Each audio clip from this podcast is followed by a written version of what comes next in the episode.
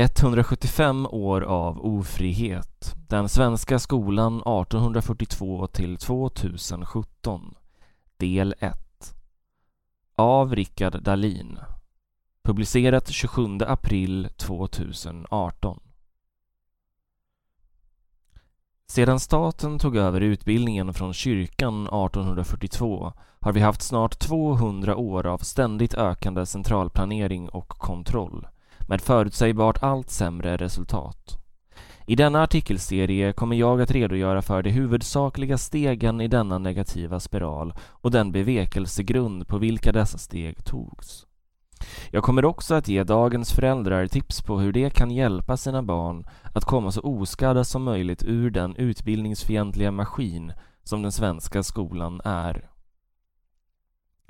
Om man lyssnar på statens egen berättelse om hur den blivit en garant för medborgarnas bildning är det lätt att få intrycket att innan 1842 var Sverige ett folk av analfabeter där enbart de rika hade råd att lära sig ens de mest grundläggande saker.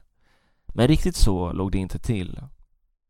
Den svenska befolkningen var läs och skrivkunnig innan skolan förstatligades i och med folkskolestadgan 1842. Anledningen till att flytta ansvaret för skolan från kyrkan till staten var inte att utbilda befolkningen utan att disciplinera dem och hålla dem i schack.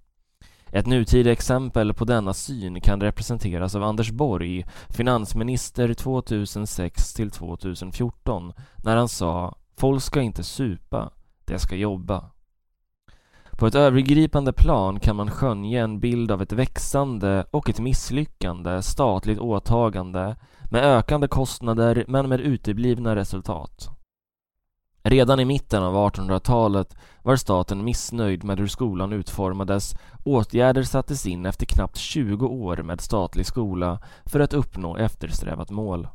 Demokratisk och nationalistisk fostran. Staten har motiverat sitt åtagande genom att bland annat förfäkta att utbildning är en liberal reform, att det är bra för medborgarna och att det gynnar nationen. Samma syn har politiker idag. De gör detta för vår skull. Tillåt mig tvivla. 1800-talets skolpolitik skiljer sig inte nämnvärt från dagens krav på lärarnas utbildning. Krav på skolans innehåll i form av läroplaner, fast med olika namn. Skolplikt har införts och tvånget har utökats från fyra till nio år. Det höjs nu röster för att utöka skolplikten ytterligare och förskoleklass blir obligatoriskt från hösten 2018. Samma tankebanor omgärdar gymnasiet. Det man vet inom forskningen är att om det blir ett obligatoriskt gymnasium kommer cirka 30% att misslyckas. Alternativt sänker man kraven vilket kommer leda till att folk behöver utbilda sig ännu längre för att sticka ut från den grå massan. Det här är inte bara en ekonomisk förlust för den enskilde utan för hela samhället. Utbildning kostar pengar i form av utebliven inkomst för studenten och det kostar pengar för samhället i form av lärarnas löner. Kort kan man säga att utbildning, i synnerhet som den har utvecklats idag, inte bara är kostsam utan också kontraproduktiv för alla inblandade. Men det är trots allt för vår egen skull vi först tvingas att gå i skolan i nio, snart tio år och sedan betala dyrt för det fram till pensionen. Tack! Situationen är prekär och det kan tyckas omöjligt att värja sig.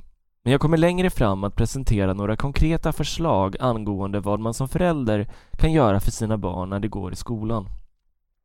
Systemet är tvingande, vilket inte kommer att ändras närmaste generationerna. Det gör att man behöver förhålla sig till systemet som sådant oavsett vad man tycker om det. Förslagen är forskningsbaserade samt baserade på mina erfarenheter som lärare. Staten har alltså växt i omfång sedan länge och någon vändning är inte i sikte. Hur hamnade vi här? Den svenska nationalstatens framväxt började redan på 1500-talet när Sverige med Gustav Vasa i spetsen bröt sig loss från den union det ingått tillsammans med kungarikena Norge och Danmark sedan 1300-talet. Denna utbrytning möjliggjordes av stora lån utomlands vilket gjorde kungen kraftigt skuldsatt. Han behövde därför ta upp mer skatt, vilket i sin tur krävde fler fogdar och en större statsapparat.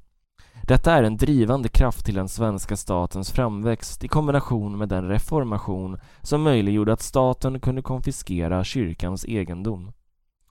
Kyrkan och staten har båda haft intresse i att indoktrinera befolkningen.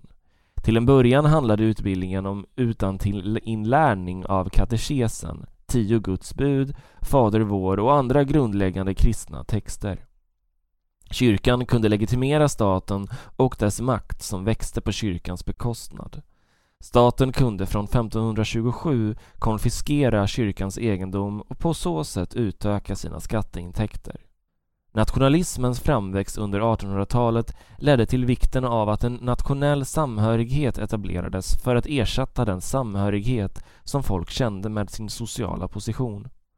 Skolan spelade en viktig roll i denna nationalistiska fostran, exempelvis genom boken Läsebok för folkskolan 1868, som behandlade vad som var svenskt. Läs och skrivkunnigheten var tämligen hög i landet vid den här tiden. Kvinnorna kunde läsa och männen kunde skriva. En annan viktig faktor till att industrialiseringen kunde ta fart på 1870-talet var att många bönder redan hade höjt sin produktivitet på eget initiativ genom att gå kurser på landets privata tekniska söndags och aftonskolor.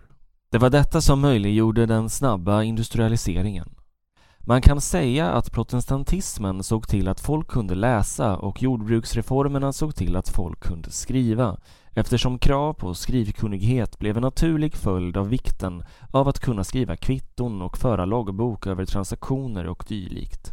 Det var sålunda den fria marknaden och handel som öppnade upp för mera utbildning där folket själva kunde välja sin specialisering, inte den statliga skolan.